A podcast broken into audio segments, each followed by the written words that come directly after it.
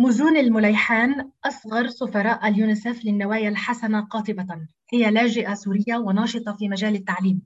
بعد فرارها من سوريا عام 2013 عاشت في مخيمات اللاجئين لمدة ثلاثة أعوام في الأردن قبل أن يتم إعادة توطينها في المملكة المتحدة.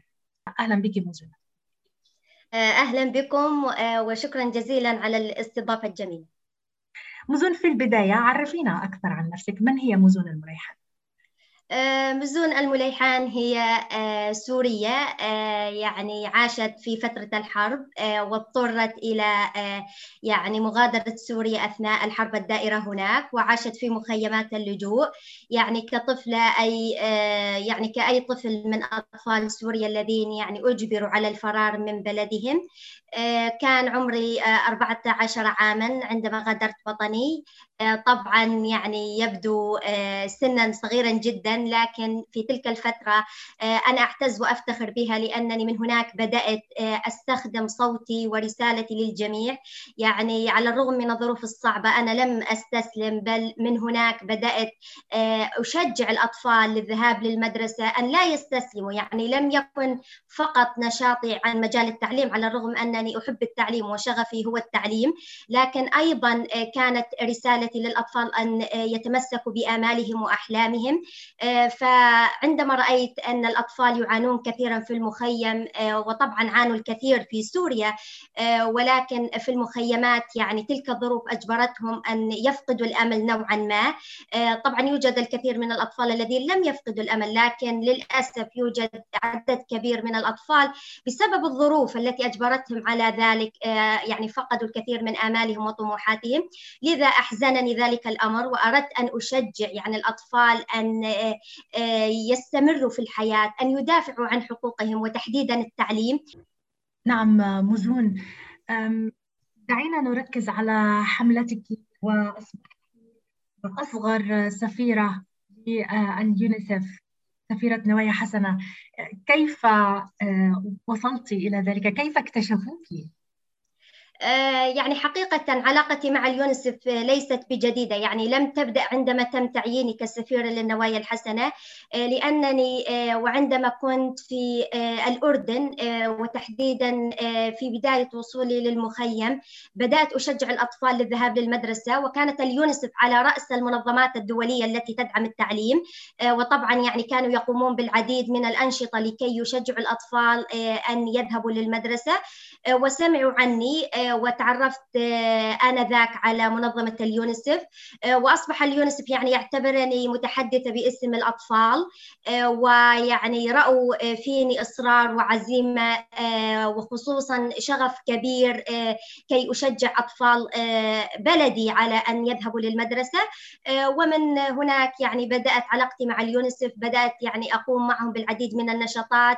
قمنا بعديد من الحملات في المخيم يعني على سبيل المثال كنا نذهب من خيمة إلى خيمة آه، نتحدث مع الأهالي مع الفتيات مع الشبان يعني مع أي شخص يعني يعتقد أن التعليم غير مهم في المخيم. كنا نتحدث إليهم ونشجعهم آه، وطبعا أنا يعني كان يستمع إلي الناس كثيرا غالبا يعني أكثر حتى من المنظمات لأنني يعني كنت أعيش في المخيم وظروفي كظروف أي شخص هناك. يعني أنا لم يكن معيشتي مختلفة أو يعني لم تكن ظروفي آه، سهلة في المخيم. كانت كأي إنسان يعني أنا كنت مثلي مثل أي شخص سوري غادر وطنه وذهب يعيش في مخيمات اللجوء. لذلك يعني كانوا يرون أنني أؤمن بالتعليم كشخص يعيش هناك فكان ذلك يحفزهم يعني يعطيهم قليل من الأمل آه، أثناء تلك الظروف الصعبة التي كانوا يواجهونها. آه، وبعد ذلك عندما يعني أنا استمريت خلال ثلاث سنوات يعني كل الفترة التي قضيتها في المخيم كنت يعني شغلي الشاغل التعليم وتشجيع الأطفال وأن أقوم يعني وأبذل قصارى جهدي يعني كي أشجعهم.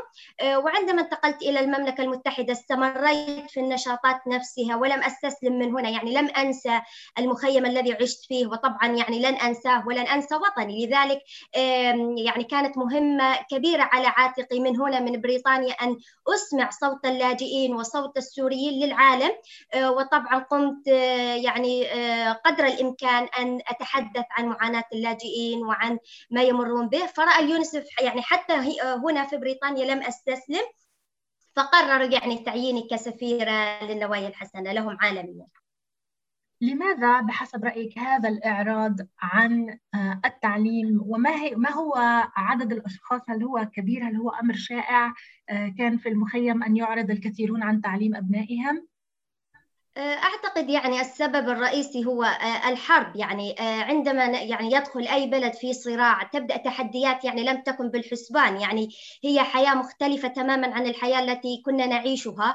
آه، وبالتأكيد عندما تواجهنا تحديات كهذه يعني لن يكون من السهل أن نتعامل معها. يعني ليس كل الناس ينظرون إلى الحياة بنظرة إيجابية. وأنا يعني لا ألوم أي إنسان وخصوصا يعني السوريين تحديدا لأنهم مروا بظروف ظروف قاسية للغاية يعني أن يعني أن يكونوا كلهم إيجابيين يعني من الصعب يعني أن نطلب منهم ان أو نطلب من الجميع أن يكون ايجابيا. لذلك آه، كثير من الناس بدأوا ينظرون إلى تلك الظروف بأنها سلبية للغاية وبالتأكيد يعني عندما تكون نظرة الشخص إلى شيء بشكل سلبي سيواجه الكثير من التحديات ولن آه، يفكر بأشياء كالتعليم.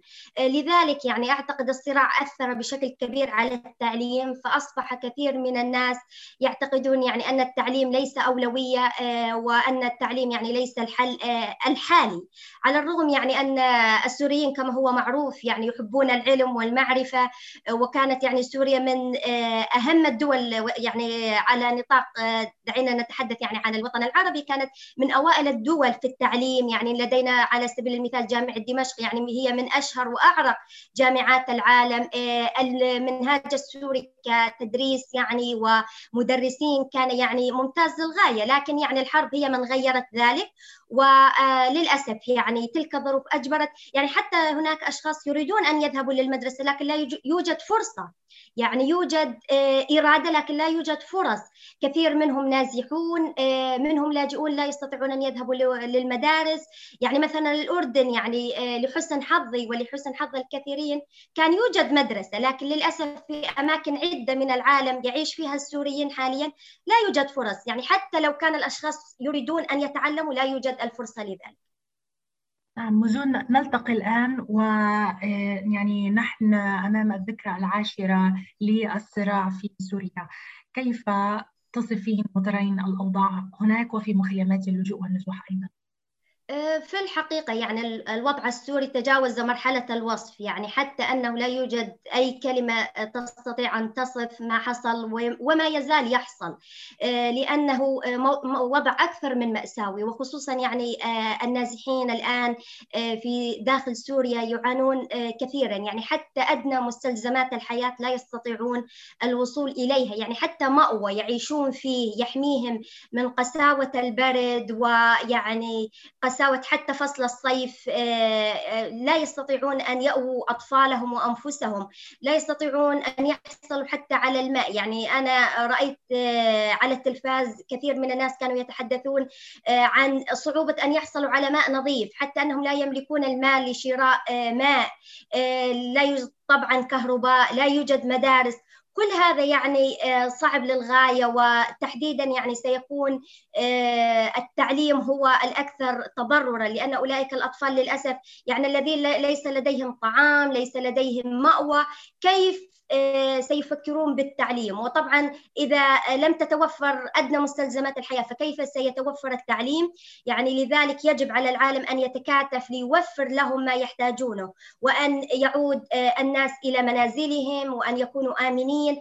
هم بحاجة العالم أن يسمع صوتهم. يعني نحن لا نريد آه، فقط أن نتحدث عن الوضع في سوريا أو وضع النازحين بل نريد فعلا أن نساعدهم لأننا لن نقدم لهم شيئا إذا كنا فقط نتحدث. طبعا أن نتحدث شيء مهم أن نوصل تلك الرسالة لكن آه، أتمنى يعني من العالم ومن أي شخص يسمعنا أن يبذلوا قصارى جهدهم بأن يساعدوا الناس هناك آه، لأنهم حقا هم يعني بحاجة إلينا آه، وبحاجة أن يحصلوا على الدعم اللازم كي يعني يستمروا بالحياة. أحدثت فرقا كبيرا وصنعت فعلا تغييرا كبيرا وجوهريا مسكون ما هي الكلمة التي توجهينها للفتيات والنساء؟ اللائي أيضا بإمكانهن ويمكنهن أن يحدثن.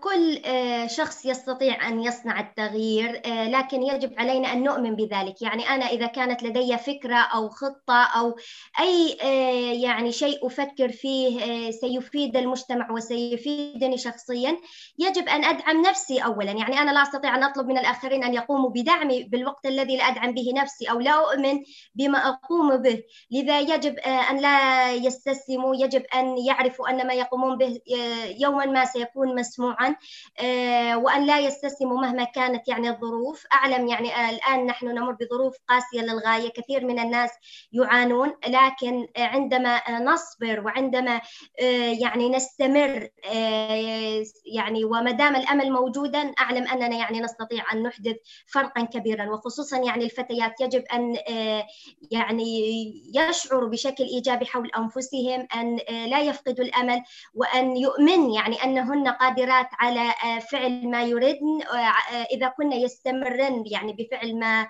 يقومن به وأن كنا يردن يعني صنع تغييرا فإنه سيحدث ما دام لديهم أمل وما دام لديهم يعني إصرار على ذلك.